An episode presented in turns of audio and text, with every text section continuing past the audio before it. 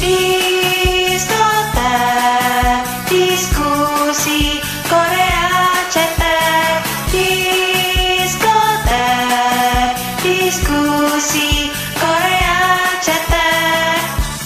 Anyong Yoro Bunda.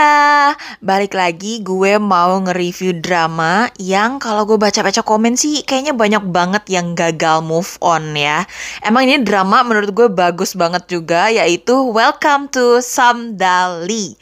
Sebenarnya ini gue tuh nontonnya terlambat ya bun Seperti yang Yoro Bunda mungkin tahu kalau gue tuh kemarin tuh full time My Demon ya. Jadi buat nonton drama lain tuh kayaknya sulit. Nah ini banyak banget review bilang bagus banget lah, hangat segala macam gitu ya. Akhirnya gue tergerak pengen nonton juga gitu. Dan ini gue rekamannya persis setelah gue beresin episode 16. Jadi sebenarnya masih agak-agak hilang nih nyawanya. Gue baru beres terus langsung kayak bengong kayak aduh ngomong apa ya. Tapi ya mumpung masih panas sebelum gue lupa sama segala detailnya jadi ya gue usahain buat tulis poin-poinnya di sini. Terus gue bisa bilang ini emang drama bagus banget. Mungkin enggak untuk semua orang ya. Karena ini kan bukan yang ada misterinya, bukan yang ada thrillernya. Ada sih yang jadi villainnya, tapi kan bukan yang apa ya ya jahat sih bikin kesel juga gitu. Tapi maksudnya bukan yang sampai ih gitu. Enggak yang sampai gitu-gitu amat ya. Nggak tahu ya buat gue nggak sampai segitunya. Mungkin buat yang nyari drama yang penuh dengan kasus ya ini bukan untuk kalian gitu ya. Tapi ini memang drama yang healing banget ya menurut gue. Makanya kenapa Hyeson awalnya bilang kan ngambil drama ini karena dia juga mau healing. Ya mungkin selain karena emang lokasi syutingnya di Jeju ya emang tempat healing gitu. Jadi pas banget gitu buat healing. Dan kebetulan gue juga kemarin tuh kan pergi ke Jeju juga ya bun. Jadi gue kayaknya bisa relate gitu sama cerita kehidupan di Jeju tuh kayak gimana gitu ya. Nanti gue sedikit cerita lah ya TMI sedikit. Tapi ini gue berusaha mengingat semuanya dan mereview semoga bisa dapat semua poinnya karena jujur gue masih agak bengong banget sekarang. Kenapa gue bisa bilang bagus banget? Karena gue beneran nggak menemukan celah di drama ini. Sumpah semuanya bagus banget.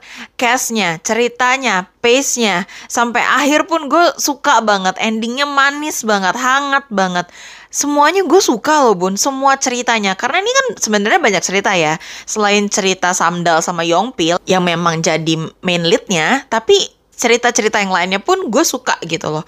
Ya ini gue bahas satu-satu aja ya. Karena gue nggak bisa bilang apa yang gue nggak suka. Yang pertama gue mau bahas dari castnya. Ini tuh kan Aduh, gue pernah baca lagi yang head comment. Kenapa kebaca lagi di gue? Ada aja ya ibu-ibu gitu komentar katanya kurang cantik buat Babang Icang kayak astaga, Bu. Ini ini drama tahu bukan biro jodoh, buset deh. Lagian Hyeson tuh apa ya? Mungkin bukan yang orang lihat langsung ih cantik gitu, enggak, tapi charming gitu loh, Bun, menarik gitu. Dan sebenarnya kan orang nggak harus dilihat dari cantik enggaknya nggak sih? Yang penting kan kepribadian. Nah, di sini karakternya Samdal tuh menurut gue memang charming banget gitu. Makanya nggak salah Yongpil bisa secinta itu dan Sangdo juga sama suka banget dari kecil gitu ya. Cuman ini gue suka banget sama chemistry-nya loh.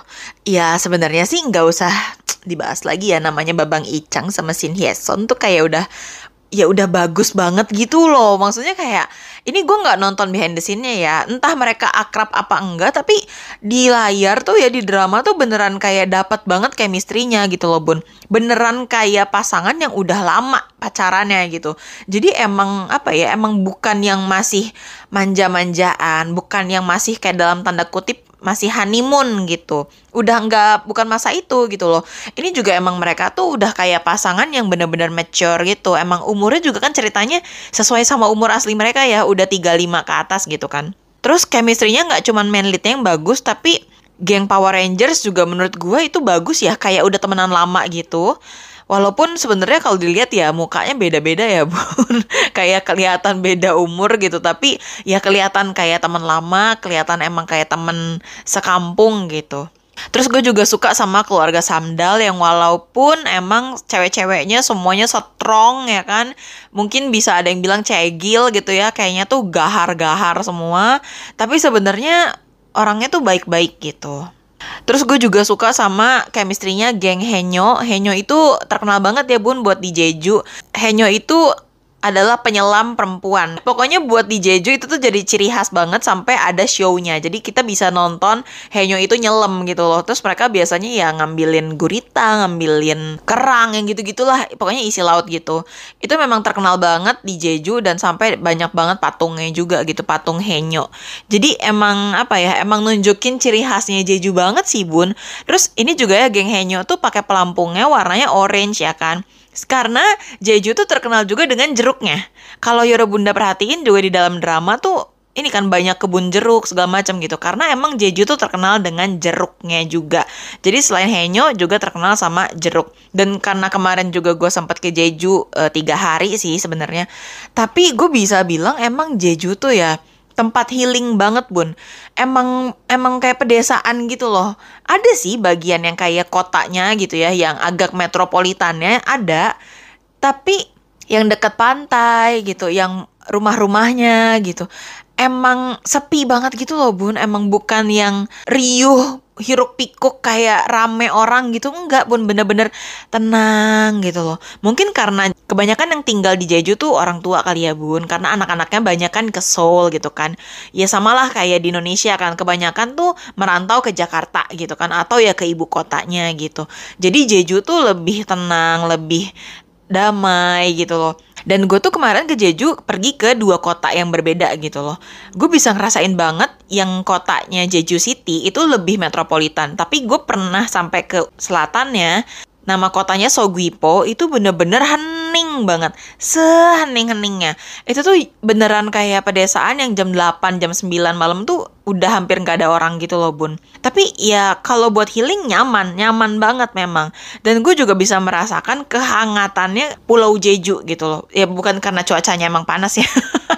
Tapi emang pas gue naik bus aja, itu tuh rata-rata si supir busnya tuh udah kenal juga gitu loh sama warga situ. Emang yang naik tuh ya dia-dia aja gitu loh. Entah orang-orang tua atau anak-anak sekolah gitu. Rata-rata tuh kayak udah kenal gitu, kayak udah ikrip sampai si supir bus tuh bisa tahu kayak oh si ibu yang ini turunnya di sini gitu loh. Kadang soalnya namanya orang tua ya bun lupa mencet yang buat turun itu loh. Tapi si supirnya tuh udah tahu gitu. Jadi gue bisa merasakan betapa hangatnya kota Jeju, eh Pulau Jeju gitu loh. Sepulau-pulau itu tuh hangat banget. Bahkan waktu gue di Jeju aja, gue sempat ngantri di restoran yang emang rame banget gitu. Terus pas gue di luar, ada aja sih yang mau ngajak ngobrol gitu loh. Dia pedagang situ juga, tapi kayak udah tutup gitu tokonya. Terus dia ngajak ngobrol, terus dia kayak, oh kok bisa bahasa Korea? Ya dikit-dikit lah ya bun. terus ya, terus dia kasih tahu harus pergi ke mana aja selama di Jeju, kayak gitu gitulah. Emang ya tipe pedesaan gitu lah bun berani ngobrol. Sedangkan kalau di Seoul kan ya beda lah bun. Kalau Yoro Bunda pernah ke Jeju pernah ke Seoul ya bakal kerasa banget bedanya gitu loh. Jeju tuh emang lebih healing banget. Nah ini secara cast gue suka banget ya karena emang chemistry-nya dapat banget, nggak ada yang kaku menurut gue. Walaupun awal-awal yang meranin Sangdo kayak kayak beda geng, tapi ya lama-lama nyatu juga gitu. Mereka kan sebenarnya bukan orang Jeju asli kan, tapi pakai logat Jejunya tuh pas banget, bagus banget sih menurut gue. Dengan pakai bajunya juga baju apa ya dalam tanda kutip ya kayak pedesaan banget gitu pedesaan ala Korea tuh yang kayak gitu gitu jadi vibe-nya tuh dapat banget sih dan emang emang syutingnya di Jeju sih itu kebanyakan menurut gue ya apalagi ya kalau ditunjukin alamnya gitu ya yang kayak mereka pergi ke hutan mereka ngelewatin sawah laut gitu itu udah pasti asli di Jeju gitu Terus gue juga suka sama OST-nya. Sebenarnya OST-nya nggak banyak ya bun, tapi enak gitu. Yang paling kedengeran ya pasti yang pertama ya, yang Short Hair yang dinyanyiin sama Dokyom dari Seventeen. Sebenarnya itu tuh lagu aslinya dinyanyiin sama Jo Young Pil. Nah sebenarnya dari awal sebelum gue nonton, gue udah tahu nama karakternya Ji Chang Wook di situ tuh jadi Jo Young Pil. Kalau tulisan Hangulnya mah Jo ya bun, tapi ya kadang kedengerannya jadi keco gitu.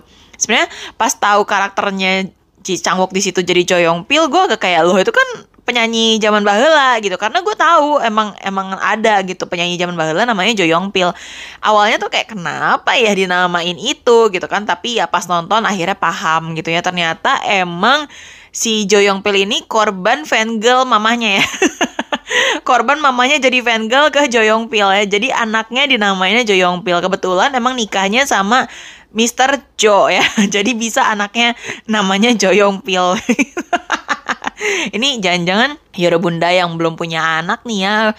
Kalau lagi ngefans sama siapa nanti anaknya dinamain sama kayak biasa lagi. Dan itu lagu yang dinyanyiin sama Dokyom yang short hair itu, itu vibe-nya tuh vibe pedesaan banget bun, kayak enak banget jadi pas gitu. Terus sama lagu OST yang dinyanyiin sama Teon yang judulnya Dream itu parah sih. Kayaknya tuh pas banget dipakai di setiap adegan gitu. Pas lagi sedih dapet pas lagi lagi sukses gitu itu juga dapet banget gitu. Apalagi kalau dibaca liriknya itu bagus banget. Dan pas di play lagunya itu kayak langsung tahu ini Teon gila sih keren banget suara Teon jadi gue suka banget sama OST-nya terus yang tadi gue bilang ini tuh pace-nya pas banget dari awal sampai akhir. Ya walaupun bisa gue akuin ya, gue tinggal ke WC tuh gue nggak merasakan kayak bakal deg-degan takut ketinggalan apa gitu. Kayak santai aja gitu gue ke WC gitu kan gue ambil grab dulu gitu. Mungkin beberapa Yoro Bunda mikir kayak ah ini mah slow apa gitu. Tapi menurut gue ini pace-nya tuh pas banget. Karena sampai akhir dari awal sampai akhir gitu terus pace-nya gitu loh. Emang emang bukan tipe satset gitu. Emang drama yang healing banget bun gitu. Emang kalau Yoro Bunda nyari yang satset ya bukan ke sini gitu sih. Jadi menurut gue ini pace-nya tuh pas banget dari awal sampai akhir. Nggak ada yang dragging nggak ada yang terlalu cepet juga gitu. Emang pas aja sih menurut gue Cuman menurut gue ini jadi punya daya tarik sendiri ya dengan pace yang kayak gini, terus dengan ending yang sebenarnya tuh habis ending, gue nggak merasa kayak pengen buru-buru pengen nonton yang episode berikutnya gitu loh. Karena di endingnya pun bukan yang kayak eh nextnya gimana gitu. Nggak setiap ending bikin kita greget buat next episode gitu ya. Cuman entah kenapa kayak pengen lanjut terus gitu loh bun. Maksudnya endingnya tuh bukan tipe yang menggantung bukan yang lagi deg-degan banget malah dikat gitu ya. Enggak. Tapi bikin kita kayak lanjut lagi yuk gitu loh.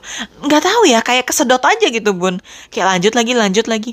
Gue waktu hari minggu nonton tuh dari episode 8 sampai episode 14 ya kalau nggak salah. Sampai 15 tengah deng. Jadi 15 tengah gue uh, ketiduran. Karena udah malam. Gue beneran seharian banget hampir beresin itu semua jadi kayak apa ya nagih gitu lanjut lagi lanjut lagi lanjut lagi. Padahal pace gitu terus gitu bun. Tapi seru sih buat diikutin. Terus gue mau bahas tentang romansnya ini tuh ya bun yang tadi gue bilang ya Shin Hye Son sama Ji Chang Wook tuh udah kayak pasangan yang emang udah lama gitu loh. Sama kayak cerita Samdal sama Yongpil ya. Emang ceritanya mereka udah pacaran lama dan emang tetap jatuh cinta, emang nggak pernah move on gitu ya, terus balikan lagi gitu. Jadi emang vibe-nya tuh udah bukan vibe honeymoon, udah bukan yang gemes-gemes unyu-unyu ucuk-ucuk gitu udah udah nggak kayak gitu gitu loh emang e, masanya lebih dewasa gitu. Makanya menurut gue ini relationship yang menurut gue sehat banget gitu ya. Mereka komunikasiin semuanya. E, apalagi Jo Young Pil ya itu banyak banget yang bilang kan dia tuh bukan cuman green flag bukan cuman green light tapi green forest ya. Ini gue setuju banget sih kayak kalau drama slice of life kayak gini tuh selalu endingnya tuh bikin kita kayak ya Tuhan yang kayak gini loh. Gak muluk-muluk loh Tuhan yang kayak gini aja. Selalu butuh satu yang kayak melitnya ya. Kali ini butuh satu yang kayak coyong pil gitu. Karena segitu pekanya sampai Samdal tuh ngerasa kayak kenapa sih lu perhatian banget peduli banget selalu nanya kencana Samdara no kencana selalu kayak gitu. Selalu jadi Mister Kencana gitu loh. Kayak selalu nanya apa Samdal nggak apa-apa gitu. Iya cewek mana sih bun yang nggak meleot ya kan? Udah perhatian banget Baik banget Sama sekeluarga lagi baiknya kan? Nggak cuma sama samdalnya doang. Terus juga ganteng ya kan? Terus juga pinter gitu Berprestasi. Jadi kayak OMG kurang apa lagi sih Joyong pilih nih Kan banyak tuh ya yang bilang aduh Babang Icang tuh mainnya action aja. Udah kalau main yang kayak gini tuh kayak nggak pantas. Tapi justru ya bun jujur gue lebih suka Babang Icang main yang kayak gini sih. Entah kenapa kayak lebih lebih cocok sama dirinya yang asli aja menurut gue ya. Walaupun ya bisa dibilang gue juga nggak terlalu tahu ya. Mungkin di sini orang bunda banyak fans beratnya Babang Icang yang jauh lebih tahu dibanding gue. Tapi menurut gue yang gue lihat dia di variety show di talk show gitu ya menurut gue ini lebih mirip Babang Icang yang asli gitu dibandingin kalau main action gitu loh. Walaupun ya main action gak kalah keren gitu, cuman menurut gue ya main kayak di drama Welcome to Samdali gini juga keren bun, keren kan. Jadi ini gila sih menurut gue bisa gue bilang so far, so far ya. Ini karakter Jo Young Pil tuh bener-bener yang standarnya paling tinggi nih. Dari segala kehijauan yang ada ya emang dia green forest. Ini levelnya tinggi banget sih bun. Kalau yang lain tuh kadang masih suka ada lah celahnya dikit-dikit gitu. Tapi kalau ini bener-bener menurut gue nih green forest parah gitu loh. Sampai di tahap kayak ini genrenya fantasy ya? Ini kayak nggak mungkin banget ada cowok yang sepeka seperhatian sepengertian Joyong Pil gitu loh. Kayak ih ini, ini fantasy sini fantasy kita harus kembali menyentuh tanah ya bun. Injek tanah ya. Ini terlalu fantasy.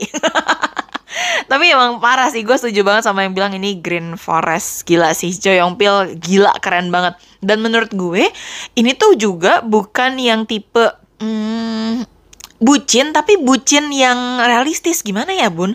Bucin yang masuk akal gitu loh. Bucin yang enggak muluk-muluk. Bucin yang apa ya yang dewasa aja gitu menurut gue. Emang emang kayak Pak Habibie sama Ibu Ainun gitu loh. Kayak emang emang sehidup semati emang gue cinta dia sampai mati gitu. Tapi bukan aduh gimana ya ngomongnya ya bun dibilang nggak bucin tapi bucin ya kan. Emang bucin yang emang udah ketemu sama other halfnya gitu sama soulmate-nya. Ya kayak gini gitu loh. Ya makanya gue bilang ini memang relationshipnya Samdal sama Yongpil tuh emang sehat banget gitu loh. Mereka obrolin semuanya, terus kadang mereka juga jadi kayak teman gitu kan, kayak best friend gitu. Dan gue tuh suka banget, ini tuh kan awal-awal kesannya tuh Yongpil tuh kayak nggak mau banget ketemu sama Samdal gitu kan. Kayaknya tuh dia aduh terluka banget lah gitu patah hati banget sampai nggak mau ke Seoul gitu sampai kayak gue nggak mau ketemu Samdal gitu takutnya kalau ke Seoul eh ketemu lagi gitu kan eh tapi ternyata pas mereka ketemu lagi gue senengnya tuh ya mereka tuh nggak ada awkwardnya gitu loh. Ya mungkin kalau buat Samdal tuh ngerasa kayak aduh gue ketemu lagi nih sama mantan gitu kan. Tapi Yongpilnya tuh enggak gitu loh. Kayak langsung apa kabar gitu kayak langsung kayak gitu itu sih yang gue suka sih jadi kayak apa ya lumayan satset di situ ya bun jadi nggak ada masa-masa awkwardnya dulu gitu loh kayak langsung emang si Yongpil seneng Samdal balik gitu. Udah intinya gitu. Gue sih seneng sih di part itu. Walaupun Samdalnya kan ya pasti awkward dulu gitu kan. Mereka kayak udah putus hubungan gitu kan. Bahkan Samdal sama teman-teman Power Rangers juga udah lost contact banget gitu kan. Jadi ya pasti ada rasa awkwardnya dulu lah. Tapi Yongpil tuh bener-bener langsung kayak kayak nggak ada apa-apa. Emang kenapa kalau Samdal balik gitu kan? Bahkan Yongpil yang menjembatani Samdal supaya bisa adaptasi lagi di Jeju gitu. Jadi buat gue itu hangat. Terus menurut gue ini gue sampai lupa loh dulu dulu apakah gue pernah kayak gini gitu ya karena waktu mereka putus ini gue nangis ya tuh beneran cirambai parah gitu gue masih inget banget kata-katanya Samdal pas eh, bukan putus sih sebenarnya pas mereka ke gap sama papahnya Yongpil terus Samdalnya tuh bilang lagi kayak yang sebenarnya selama ini 8 tahun ini aku tuh nggak pernah nggak suka sama kamu Bahkan aku tuh gonta-ganti cowok terus itu supaya bisa cepet lupain kamu. Tapi setiap kali ngedate itu selalu ngerasa kayak kenapa depan aku bukan Yongpil, kenapa cowok lain gitu. Itu bun gue cirambai parah bun kayak kerasa banget tulusnya. Astaga, keren. Ini writer name-nya keren sih, keren banget sumpah pengen gue kasih jempol, gue sungkem deh keren banget. Itu gue cirambai parah terus udah gitu Samdalnya bilang lagi kayak, aku nggak apa-apa, kita nggak jadian. Udah lupain aku aja, anggap aja aku ini cinta bertepuk sebelah tangan. Aku nggak akan pacaran sama orang lain, aku melajang selamanya nggak apa-apa, karena aku bakal sukanya cuma sama kamu. Tapi nggak apa-apa, anggap aja ini aku cinta bertepuk sebelah tangan. Terus di situ Yongpilnya bilang kayak, nggak mungkin ini cinta bertepuk sebelah tangan orang aku juga cinta gitu. Aduh jadi kayak aduh nggak bisa bun. Sedih banget sedih banget sedih banget. Walaupun hmm, ya ini bukan pengalaman pribadi ya gue nggak pernah sih ngalamin kayak gitu. Cuman maksudnya kayak dapat banget bun. Emosinya tuh dapat banget. Gue tuh sampai cirambai parah gitu loh. Terus Uh, pas mereka akhirnya jadian lagi juga ya Yongpilnya tuh berusaha banget ngedeketin gitu. Terus sampai Samdalnya bilang kayak kalau lo tetap baik terus sama gue, gimana gue nggak goyah gitu loh.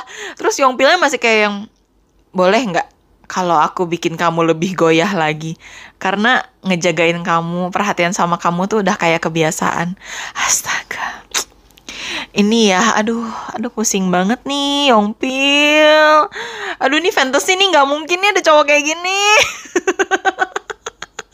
Aduh, terus gue juga inget banget waktu Yongpilnya tuh akhirnya teriak juga di di gang rumahnya gitu. Dia bilang, aku bakal bikin kamu kayak balon yang di pinggir jalan. Tau kan bun, balon yang terbang-terbang itu yang kayak ditiup angin kan bawahnya kan, kayak kelepek kelepek kelepek kelepek gitu. Yongpilnya bilang kayak aku bakal bikin kamu kayak gitu. Intinya ya kelepek kelepek gitu kan sama si Yongpil gitu. Dan menurut gue cewek mana yang enggak kelepek-kelepek meleot, meleleh kalau cowoknya kayak Yongpil ya nggak sih? Terus udah gitu gue juga seneng banget sama detail-detail di mana Yongpil tuh nyimpenin barang-barang yang dikasih sama Samdal gitu loh. Hei, nggak bisa bun, gue mah lemah banget sama yang kayak gitu. Tuhan, saya lemah sama yang kayak gitu Tuhan. Aduh nggak bisa bun. Jadi ini tuh sebenarnya kayak emang ada juga ya bunda yang bilang ini syariah banget segala macam gitu. Tapi menurut gue bun ya jujur nggak harus selalu selepetan lahap-lahapan mukbang gitu loh bun walaupun itu bikin deg-degan ya. Tapi yang kayak gini tuh bikin melelehnya cepet banget bun. Gue udah lebih-lebih dari butter deh bun. Gue ih cepet banget gue melelehnya sumpah Terus pas mereka akhirnya jadian lagi juga di episode 14 gue cirambai lagi bun. Dan gue juga setuju ya itu juga kan Hyeson di JTBC Newsroom itu dia kan diwawancara gitu kan ada cerita apa gitu kan. Dia bilang waktu balikan lagi itu kayak sebenarnya nggak ada di skrip kalau dia harus nangis. Tapi segitu pendalaman karakternya segitu dia ngerasa kayak gila ini cowok kayak Yongpil gitu kan ngomong kayak gini dan segitu bagusnya aktingnya Ji Chang Wook sampai akhirnya Hyeson aja nangis gitu kan. Itu gue juga ikutan nangis bun. Gue padahal gue udah tahu Hyeson di situ bakal nangis gitu ya karena udah banyak spoilernya. Tapi gue tetap nangis gitu kan. Ih gila keren banget. Di situ Samdalnya juga bilang kayak aku nggak mau ngejalanin cinta bertepuk sebelah tangan gitu. Aku nggak mau. Terus Yongpilnya juga kayak iya jangan jangan kayak gitu lagi karena aku udah ngerasainnya 8 tahun dan itu nggak enak. Terus Yongpilnya kayak kalau papa tetap nggak ngasih restu jangan lepasin aku ya. Kayak OMG di situ mereka nggak pelukan mereka nggak ciuman mereka cuma pegangan tangan tatap tatapan tapi gila itu emosinya dapet banget. Ih gue sampai cirambai itu nggak? Itu hari minggu. Mama papa gue sampai nggak berani nanya gue kenapa mata gue merah mereka pikir mungkin gue putus cinta bagaimana sampai nggak berani nanya kayak kenapa? gitu. Ngelihat mungkin kayak anaknya apa lagi ada masalah gitu ya. Gue nangis parah bun parah gitu. Ih buset deh. Keren banget ini drama healing banget sih asli. Romance gue suka banget suka banget. Ini romance yang dewasa romance yang realistis dan menurut gue ini couple goals gak sih bun? Maksudnya kayak kita ke pasangan tuh ya bisa bisa gemes-gemesan, tapi bisa juga kayak temen, terus ya bisa saling support gitu. Kayak goals gak sih? Tapi ya satu nih, gue baru ngeh gue gak sukanya si Bu Sangdo ya. Dia ngapain? dia kayak cuman kurang tidur doang, matanya merah mulu. dia kan selalu ya matanya tuh kayak merah kayak pengen nangis terus gitu kan tiap kali bareng Samdal.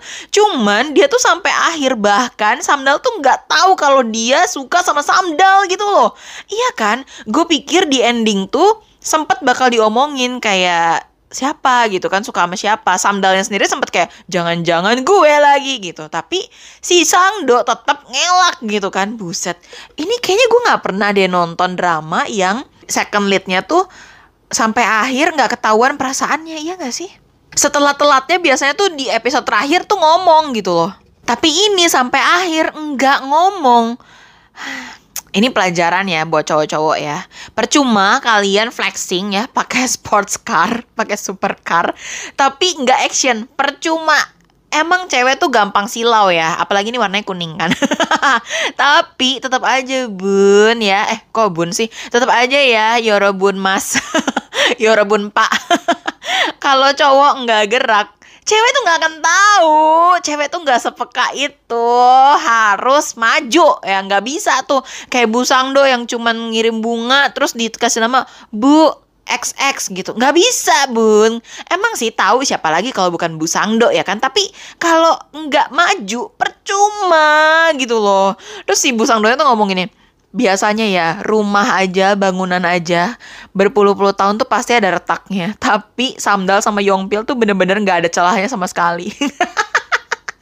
Aduh, kadang ya, walaupun nggak ada celah, buatlah celah itu. Gitu. Ini dianya aja nggak bikin celahnya gitu loh. Pas dia berdua sama Samdal, diam aja gitu. Aduh, ternyata ada juga yang gue nggak suka dari drama ini. Katanya ngalahin Han Ji Pyong ya. Ji Pyong kan cuma 3 tahun diem aja. Ini si Sang Do menurut gue nggak 8 tahun sih, tapi kayaknya 20 tahun dia diem aja deh. Dari kecil diem aja gitu kan, nggak ngomong gitu loh. Malah tantrum nyalahin Yongpil. Kesannya Yongpil yang lebih cepet apa-apa. Dia malah jadi kayak ngalah terus sama Yongpil gitu. Naon sih Sang Do eh. Terus buat gue acting si villainnya si Enju sama Chonggi juga bagus-bagus aja sih walaupun mereka bisa dibilang mungkin aktor rookie. Ya nggak sih? Gue nggak pernah lihat sih. Tapi ya bagus-bagus aja sih. Partnya tuh pas emang nggak usah terlalu banyak bikin kesalnya lumayan. Terus ya apa ya? Ya mungkin memang karena drama healing ya bun. Jadi nggak terlalu yang makjang yang samdalnya harus ngejambak enju gitu kayaknya nggak perlu sih. Cuman ya lumayan lah pas banget partnya. Dan gue bisa bilang gue bangga banget bun di episode 15 awal itu di mana Enju sama Chonggi berantem di laut. Itu gue ke situ. Yang ada kuda merah gue ke situ. Ih bangga banget Karena gue tuh sebenarnya bingung ya bun di Jeju tuh kan banyak banget laut ya ya iyalah ya orang Jeju kan pulau ya pasti dikelilingin laut gitu. Jadi tuh gue bingung gue harus ke laut yang mana gitu. Dan sedangkan waktu gue juga nggak banyak kemarin.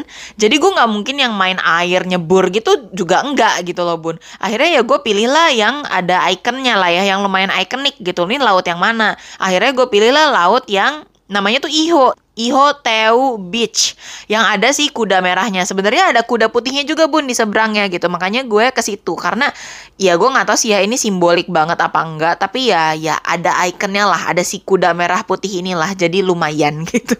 Dan gue seneng banget ini masuk ke dalam dramanya. Jadi kayak OMG yang gue datangin berarti lumayan dipandang gitu.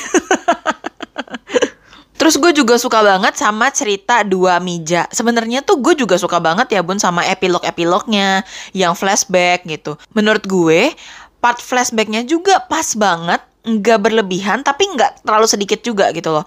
Kayak uh, Samdal sama Yongpil waktu kecil, waktu SMA, waktu pacaran, waktu di Seoul gitu. Menurut gue itu dikit-dikit tapi pas banget gitu. Emang emang perlu gitu bukan yang dragging juga jadi uh, gue suka banget sih dan terutama buat nyeritain si dua mija sebenarnya awal-awal gue sempat kayak ini mamahnya Yongpil ke mana ya? Kan mereka kan waktu dilahirkan tuh masih ada tuh kan orang tuanya. Jadi istilahnya kayak Yongpil nih mamahnya nggak meninggal gara-gara ngelahirin Yongpil gitu kan. Tapi akhirnya ya diceritain kalau meninggalnya pas lagi nyelam gitu karena mereka sama-sama henyo. Dan gue baru tahu kalau ternyata namanya sama-sama Mija. Yang satu Go Mija, yang satu Bu Mija gitu. Jadi ya lucu juga sih ya namanya Mija. Terus sama-sama suka sama Jo Yong Pil. Terus sama-sama nikah sama Mr. Jo ya karena kan Jo Samdal sama Jo Yong Pil kan sama-sama uh, marganya sama gitu kan. Jadi lucu sih menurut gue dan cerita mereka tuh menurut gue lumayan mengharukan banget. Walaupun agak geli-geli dikit ya Bun ceritanya kayak tahun 50-an, 40-an mungkin ya ceritanya. Jadi kayak rambutnya astaga zaman dulu banget. Apalagi ngeliat papahnya Yongpil zaman mudanya gitu kan itu kayak kocak banget sumpah. Tapi lucu sih gemes. Dan ternyata bucin mengalir di DNA-nya keluarga Jo Yongpil ya. Emang turun temurun bucin gitu.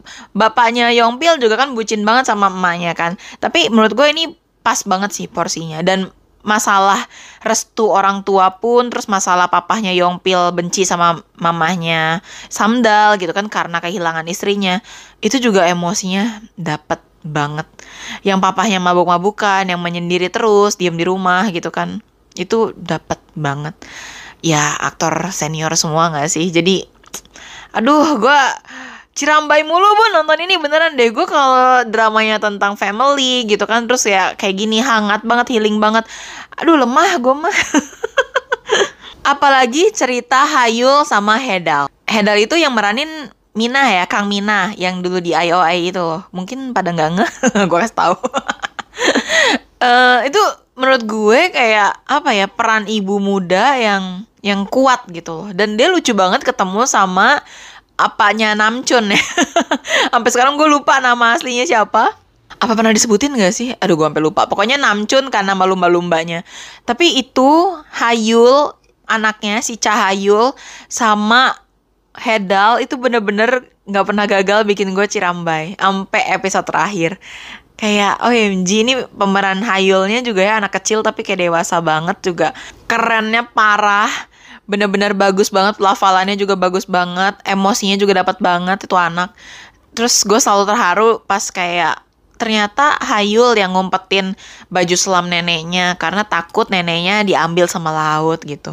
Terus waktu Hayul yang tiba-tiba manggil mamahnya jadi bibi gitu, biar mamanya bisa pacaran lagi.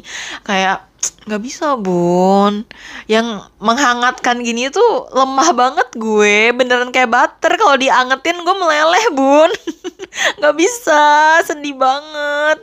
Sampai akhir gitu loh. Sampai dia merestui banget mamahnya sama si apa Namcun itu. Gemes. Terus yang sampai akhir dia bilang kayak pengen jadi perenang gitu. Padahal Hayul tuh takut air nggak bisa berenang. Terus Hedalnya bilang kayak mama tuh nggak suka ya kalau Hayul tuh ngelakuin apa yang mama nggak bisa gitu. Terus Hayulnya bilang soalnya mama kan nggak bisa mencapai cita-cita karena punya aku gitu. OMG, nggak bisa, nggak bisa, nggak bisa, nggak bisa. Padahal buat gue prinsipnya anak itu dilahirin tanpa diminta gitu. Makanya kita sebagai orang tua dan calon orang tua gitu ya harus dewasa. Harus udah siap dulu sebelum punya anak gitu loh. Karena anak itu nggak minta dilahirin gitu loh. Nah ini anak kayak Hayul gitu ya dia dia nggak minta dilahirin gitu kan. Mungkin dia juga terbentuknya karena kecelakaan gitu kan. Tapi dia bisa kayak yang mama nggak bisa ngejar cita-cita karena aku gitu Gak bisa bun, gak bisa. Cirambai parah gue, gak bisa, gak bisa bun. Terus gue juga suka banget sama geng Henyo ya Apalagi di episode akhir-akhir yang mereka pawai pakai TV Itu keren banget. Geng Henyo ternyata gak cuma gosip ya Tapi memang berguna banget buat mengecoh reporter gitu kan Ngeblok jalan. Emang ibu-ibu tuh ya pasukan yang paling tahan peluru menurut gue. Orang Yongpil aja di situ bilang kan kayak ini polisi aja nggak bisa nih ngalahin para henyo ini. Polisi aja kalah sama ibu-ibu. Makanya ibu-ibu tuh berjaya di jalan kan. Jaya jaya jaya. Jangan pernah ngelawan ibu-ibu ya, apalagi ibu-ibu di jalan, apalagi yang pakai motor. Terus gue juga suka banget sama cerita tentang pekerjaannya gitu. Ya walaupun emang sedikit ya bisa dibilang nggak terlalu ditunjukin uh, dia foto-foto segala macam gitu. Tapi ya kelihatan emang maksudnya tuh si Samdal lumayan kayak burnout juga, capek juga mungkin kalau dia lihat kamera tuh malah inget sama kasus dia gitu kan. Jadinya ya dia nggak megang kamera lagi, ada traumanya gitu kan. Terus ya pelan-pelan traumanya disembuhin sama Yongpil kayak ah udahlah kalau ngomongin Yongbil tuh nggak bisa bun. Dia Green Forest. Kok bisa? Eh nggak mungkin ya. Ini makanya fantasy bun. Susah ada cowok kayak gitu. Terus sampai endingnya pun akhirnya Samdalnya bisa sukses lagi, bisa bangkit lagi. Gue seneng sih bun, maksudnya nggak terlalu yang buru-buru, nggak terlalu yang dipaksain endingnya. Pokoknya ini dikemas, dibungkus dengan baik banget menurut gue. Pas banget lah bun, ini pace-nya tuh dari awal sampai akhir tuh gue beneran nggak ada komplain sama sekali. Ini pas banget. Dan pas balik suksesnya pun menurut gue bukan yang grande, yang sampai gimana-gimana. Kayak ya balik semula aja gitu. Nggak usah yang gimana gitu ngerti kan? Kadang kan yang sampai kayak misalnya masuk majalah apa gitu kayak terlalu grande gitu kan. Ini tuh pas banget. Dan bahkan pas lagi pameran foto yang di Jejunya itu gue juga ikutan cirambai. Padahal mereka cuman monolog doang kan bun. Kayak aduh nggak tahu bun kayak ikutan terhanyut. Kayak gue tahu nih cerita masing-masing orangnya gitu loh Terus dikasih lihat juga kan di behind the scene, bukan behind the scene ya, maksudnya pas lagi si Samdalnya foto-fotoin mereka gitu. Kayak nggak tahu ya, hangat banget bun, asli hangat banget. Gue suka banget bun, parah.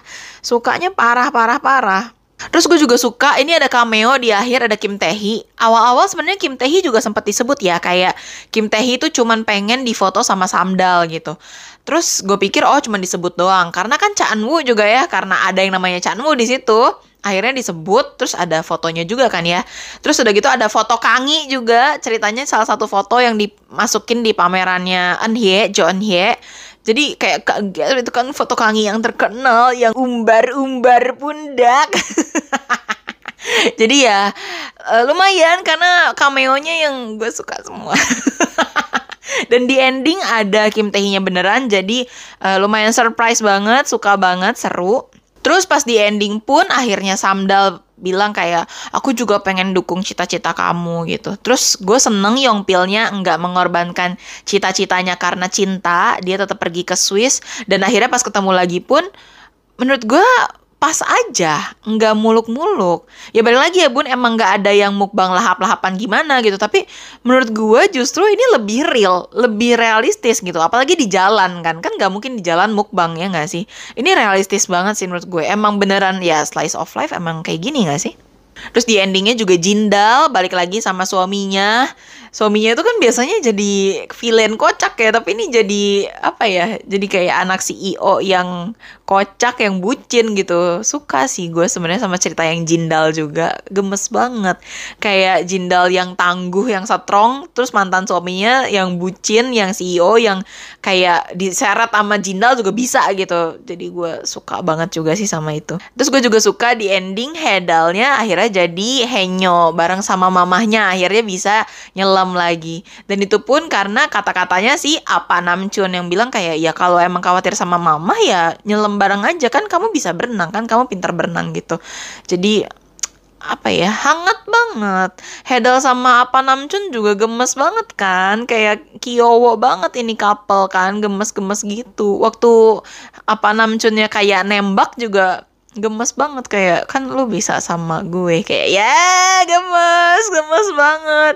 Apa ya mereka nggak ada yang skinship gimana gimana tapi gemesnya tuh nyampe banget keluar dari layar gitu bun. Dan endingnya gue suka banget dengan kata-kata memiliki tempat untuk pulang adalah suatu kelegaan Mungkin ini nggak semua orang bisa relate, terutama orang yang nggak pernah merantau. Tapi gue pribadi, gue merantau dari kecil, jadi ini sangat amat relatable buat gue.